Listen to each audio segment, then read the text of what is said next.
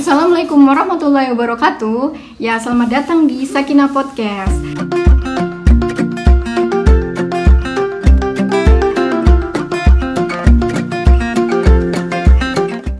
Apa kabar nih ayah bunda sekalian? Semoga selalu dalam lindungan Allah Subhanahu wa taala ya ayah bunda. Amin. Nah, hari ini seperti biasa kita bakalan obrolin hal-hal menarik seputar parenting ya ayah bunda dan topik kali ini cukup penting nih. Eh, gimana sih cara bikin anak suka belajar gitu? Hmm. Nah, seperti biasa juga saya nggak sendiri di sini karena di sini udah ada Kang Canun. Assalamualaikum Kang. Waalaikumsalam warahmatullahi wabarakatuh. Udah siap sharing-sharing Kang? Insya Allah siap kita lakukan kembali. Semoga seperti biasa ini manfaat kalau dipraktekin Amin. ada dampak. Amin ya. Nah, gimana nih Kang? Cara Hmm. bikin anak tuh suka belajar gitu. Jadi jadi hobi gitu. Jadi hobi Bukan, ya? Kan biasanya anak belajar tuh beban gitu ya. Oh gitu ya, Heeh, beban kayak ya. zaman sekarang gitu sih liatnya.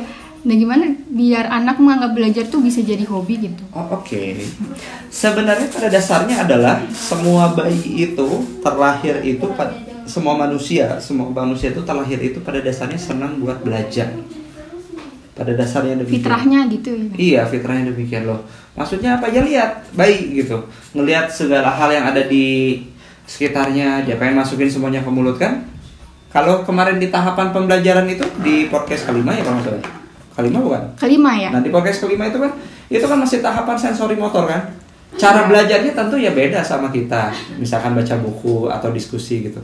Tapi ya itulah cara belajarnya baik, masukin barang-barang ke mulut gitu. Nah, yang kadang-kadang suka teriak-teriak gitu, eh temenan nggak boleh. Kadang-kadang siapa? Si ibunya. kadang yang bikin apa tuh namanya tuh bikin anak yang justru kok kayaknya jadi nggak suka belajar gitu kadang-kadang siapa Iya. kadang-kadang kita orang tuanya gitu nah terus maksudnya berarti kan kalau gitu kan tujuan saya teriak-teriak itu adalah untuk mengamankan barang-barang di sekitar biar nggak masuk mulut gitu ya memang betul. Makanya sebetulnya eh, pengamanan itu sangat-sangat penting jelas banget. Makanya taruh di tempat yang tidak terjangkau sama Anak-anak. anak-anak. Yang barang-barang berbahaya itu perlu ditaruh di tempat yang tidak terjangkau sama anak-anak.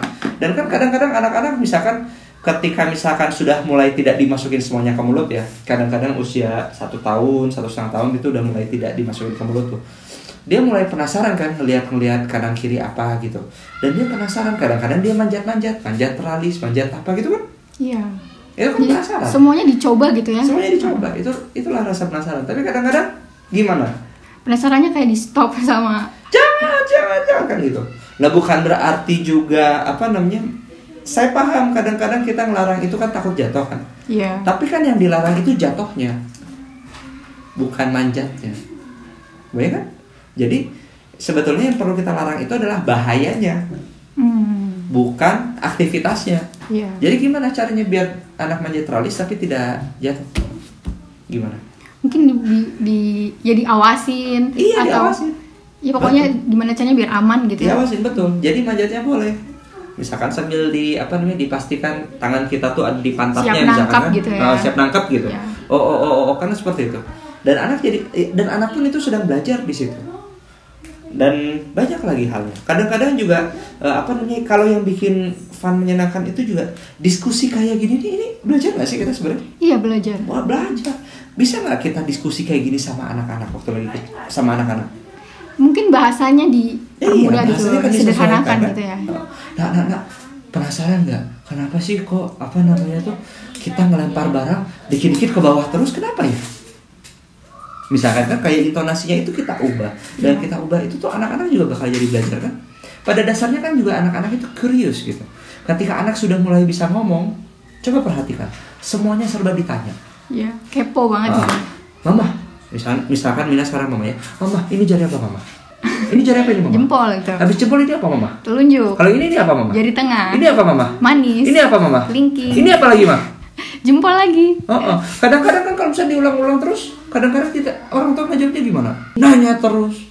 Lah justru curiosity nanya itu kan dia sedang belajar. Coba bandingkan kalau misalnya lagi belajar, ih kamu tuh nanya-nanya terus sih. Siapa yang kadang-kadang membunuh rasa penasaran tersebut? Kalau anak kita apa namanya? Kalau anak kita sedemikian semangat untuk bertanya, kita juga perlu sedemikian semangat untuk menjawab. Saya pernah tuh waktu itu ya, anak saya baca apa? Nenteng buku, judulnya itu adalah 100 dinosaurus. Allah Wah. itu luar biasa. Halaman satu. Ya, ini apa? Terus ini apa? Ini apa? Ini apa? Terus aja Sampai halaman akhir. Iya sampai halaman akhir. Ketika halaman akhir, balik lagi putaran kedua dimulai dari awal. Ya Bi, ini apa? Dalam hati itu kan udah nah. nggak boleh nggak boleh nggak boleh kan lagi antusias kan. Wah, ngulang lagi ini apa ini apa ini apa ini apa terus aja Emang harus sabar gitu ya. Iya. Tahu nggak berapa putaran? Berapa? Empat putaran. Wah. Banyak ilmu tapi tuh. Hah? Dapat. Iya dan itu kan mabok itu maksudnya. Belajarnya anak memang perlu repetisi, jangan kan anak lah kita juga perlu repetisi Iya. kan, perlu pengulangan. Nggak bisa tuh bisa langsung naik sepeda cuma sekali nyobain, perlu repetisi, perlu repetisi kan seperti itu kan. Iya. Jadi eh, pada dasarnya sekali lagi pada dasarnya anak kita itu sudah senang buat belajar. Pada dasarnya tuh udah dari sononya, udah Allah siapkan anak kita tuh udah serba penasaran dan pengen banget buat belajar satu sama lain. Eh, belajar ini apa ya, ini apa, ini apa. Misalkan juga bahkan nanti kadang-kadang nanya juga, Mama, Mama, aku ini asalnya dari mana sih, Mah? Mina jawab apa? Apa ya? Apa nih Kang? Kok jadi bingung gitu sih, Mina? Maksud aku gini loh, Mama. Tadi tuh aku tanya teman aku Randy, teman aku tuh Randy itu bilang dia dari Sumedang. Mama dari mana? Oh, Kamu gitu, dari mana? asa-asa nah, gitu. kan? Kadang-kadang juga gitu kan. Udah keburu ini anak maksudnya mikir apa nih, ngomong apa nih, ngomong apa nih kan gitu ya. Suka takut jawab gitu, takut Suka salah takut jawab. jawab. Emang kenapa sama takut, sama salah? Kan dia masih kecil kalau kalau salah jawab gimana coba? Hah? Iya, maksudnya gimana? Apa yang ditakutin kalau kita salah jawab? Kan takut salah menyampaikan informasi ke Ah, anak gitu. Iya, kan tinggal minta maaf. Wah, ternyata Minanya sendiri juga ini ada ketakutan buat salah ini. Gak apa-apa padahal. Biar nggak takut salah, makanya kita konfirmasi dulu. Bentar, maksud kamu apa nanya kayak gitu? Oh iya iya. Ya kan? Itu tuh kalau nggak salah, tetangga juga sempat ada anak kecil nanya, Mama, ML itu apa? Mbak?" Wah. Tahu nggak ternyata yang dia tanya ML itu apa? Mobile Legend. Bukan. Botol minum itu ada 600 ml kan? Oh. ML itu apa? Bisa juga ya. Iya, jadi maksudnya kan ketika misalkan kadang-kadang anak kita tuh nanya apa, mengucapkan sebuah statement yang versi kita kayaknya ini kok eh, sesuatu yang gimana gitu, sesuatu yang gimana gitu kan, konfirmasi aja dulu. Jangan-jangan yang ngeres itu adalah pikiran orang tuanya. Anaknya mungkin sebenarnya asli pengen tahu itu teh apa gitu kan. Jadi jangan negatif thinking dulu ya. Iya dong. Kita konfirmasi dulu biar memastikan jawaban kita juga tepat. Oh, iya, iya. Kan gitu. Ya, begitu ya. Dan jadi intinya pada dasarnya adalah eh, anak kita teh udah dari sononya udah senang ilmu. Kita tinggal apa ya? Kita tinggal memfasilitasi. Kalau misalkan nggak bisa ya tinggal mungkin cari referensi lain ensiklopedia atau Google atau apalah itu sesuai usianya kan. Dan kemudian ya itu ditumbuhkan terus rasa penasaran seperti itu. Bahkan kan di Al-Quran juga afala takilun, afala yatafakkarun. Itu tuh banyak tuh. Tidakkah engkau pemikirkan, tidakkah engkau merenungi kan?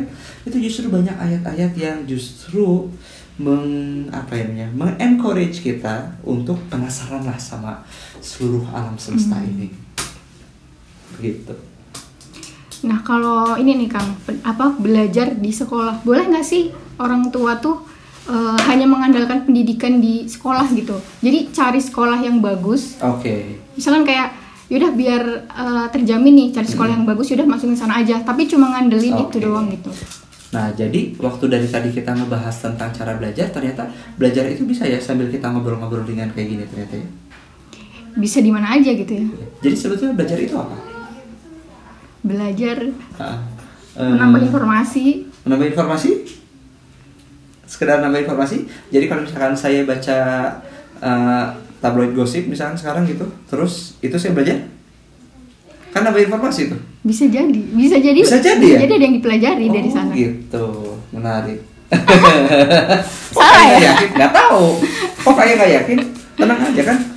Eh, apa namanya? Cara belajar itu ketika belajar itu kita diperbolehkan untuk salah. Justru itu namanya belajar gitu Iya. ya. Jadi belajar itu apa? berbuat kesalahan. Jadi makin bingung lagi. Kalau kata Jane Ellis Ormbrod, ya, Jane Oh, Ellis iya. Ormbrod ini adalah seorang tokoh pendidikan. Beliau itu adalah profesor di bidang psychological science gitu ya, psychological science di bidang situ.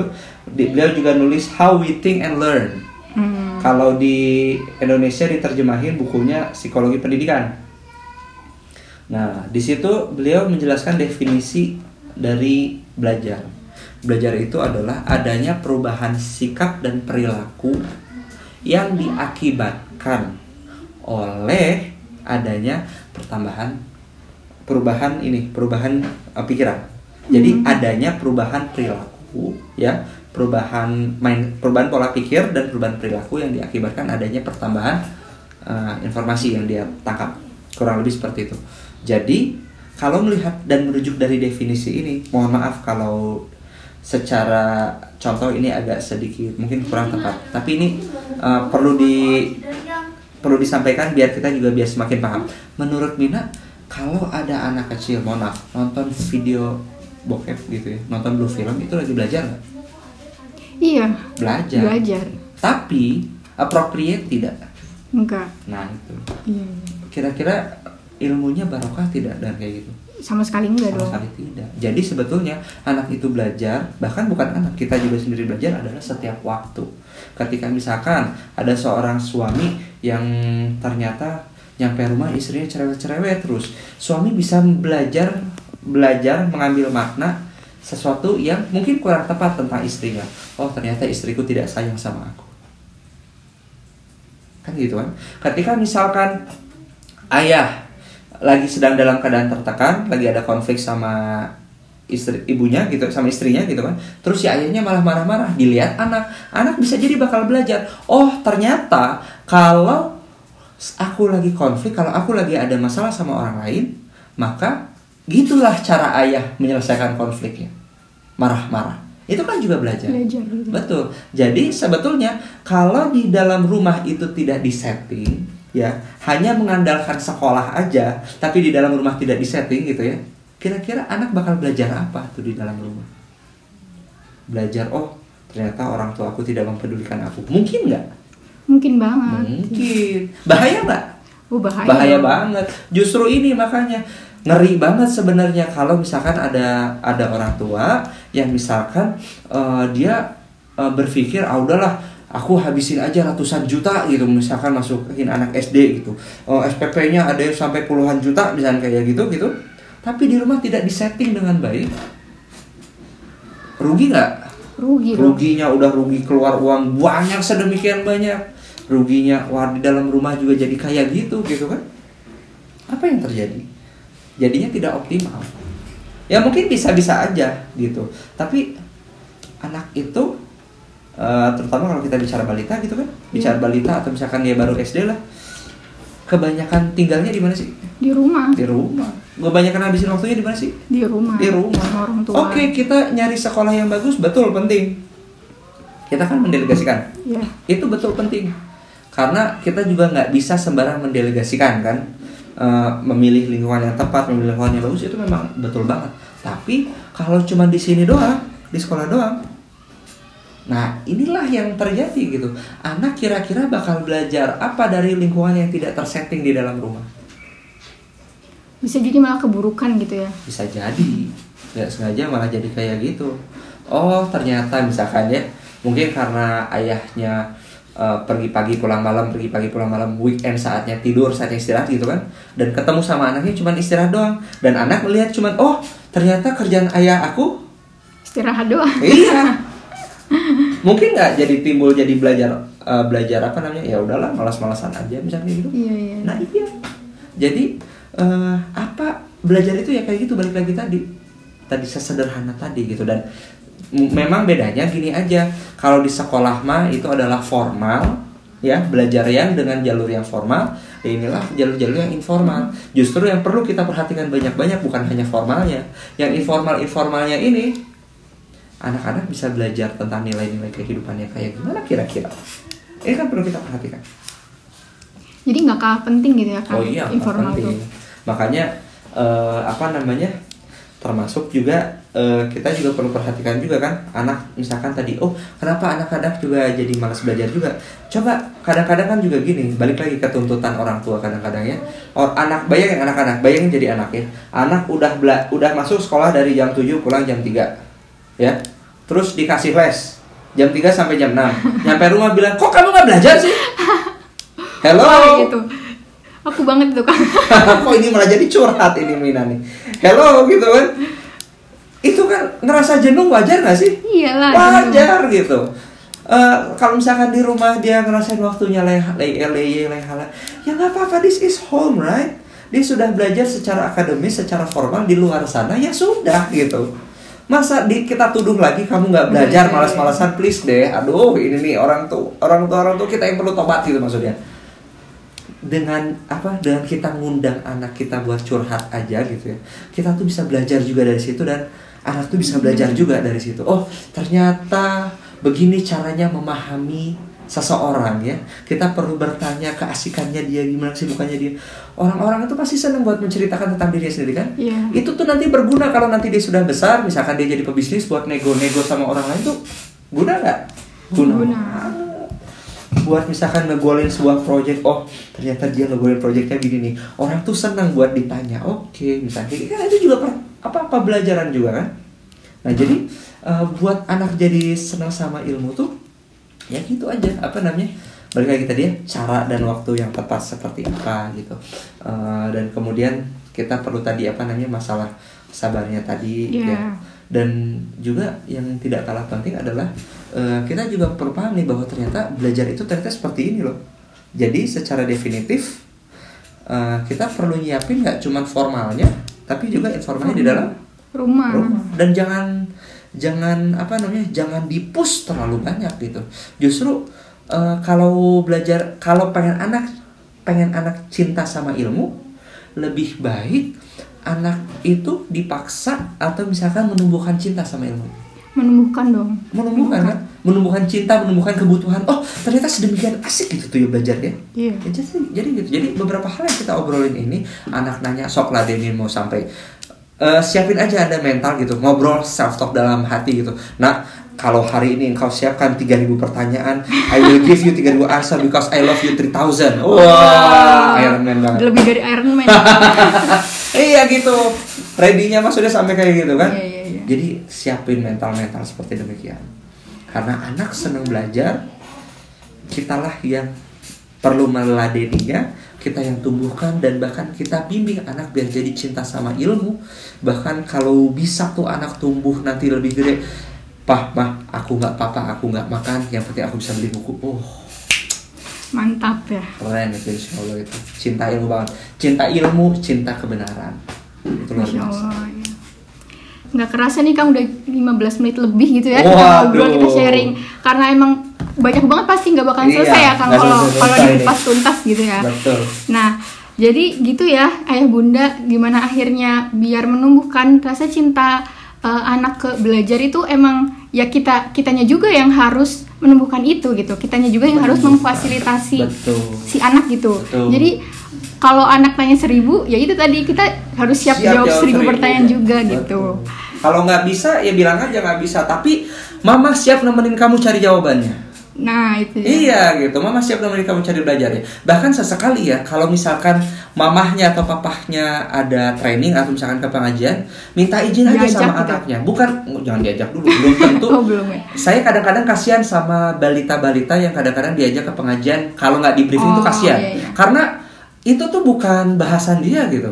Bayangin anak usia kelas mohon anak usia 3 tahun 4 tahun belum tentu ngerti sama yang diucapin sama ustadznya kan? Bilang misalkan ini riba haram kayak ini riba haram. Mikirin uang aja belum tahu. gitu ya. iya kadang-kadang tuh kasihan tuh gitu gitu. Iya, justru iya. malah jadi ketika ribut ketika berisik gitu kan "Shh, kalian teh berisik aja. Hey bayangin itu anak-anak kalian di posisi kayak gitu itu mirip kayak apa namanya orang tua suami gitu ya. Ikutan arisan istri terus suami disuruh diam di situ nggak boleh ngapa-ngapain diam aja kayak gitu Mati kutu gitu. mati ya. kutu nggak suka ya bete kan gitu nggak disiapin aktivitas jadi tapi maksud saya gini mau bikin anak menumbuhkan cinta juga sama ilmu tuh ya misalkan sesekali bukan sesekali bahkan kalau bisa jadi rutinitas bagus misalkan apa namanya orang tua uh, minta izin aja sama anak sebetulnya memang orang tua yang nggak ada nggak ada hak ya buat minta apa tidak ada kewajiban untuk minta izin sama anak Iya. tapi kalau disampaikan di statement kan uh, apa namanya pamit gitu ya Pak, eh kok Pak? Nah, punten, uh, aku nanti mau, uh, ayah nanti mau pamit dulu ya. Mau ngapain Pak? Mau belajar. Oh, jadi kayak oh orang tua aku belajar gitu Iya, ya. masya Allah. Udah gede aja, udah mapan gini aja. Bilangnya masih belajar. Kok masih belajar Pak? Iya. Ilmu Papa masih kurang buat ngebawa ngebawa kita semua ke Wow. jannah. Oh, ternyata itu ya Pak ya. Apa namanya? Buat belajar tuh kayak gitu ya kan. Coba bayangin kalau itu di statement kan misalkan pamit dulu ya Mama ya mau belajar dulu. Pamit dulu ya Papa ya mau belajar dulu. Wow. Wow. Wow. Jadi emang apa ya? Atmosfernya tuh belajar, belajar Iya. gitu. Jadi ada wow-nya itu kan kalau misalnya itu ada tuh jadi sesuatu yang amazing. Amazing gitu. Wow. Wow. Gitu ya. Nah gitu ya ya Bunda. Eh, makasih nih Kang udah sharing-sharing nih tentang gimana caranya biar anak suka belajar gitu Ya. ya. Nah mungkin bisa nih langsung diterapin ya ya Bunda di rumah. Ya. Gimana Bismillah, akhirnya ya. biar sem- dan semoga eh, anak-anak eh Bunda semua bisa benar-benar cinta ilmu gitu. Siap.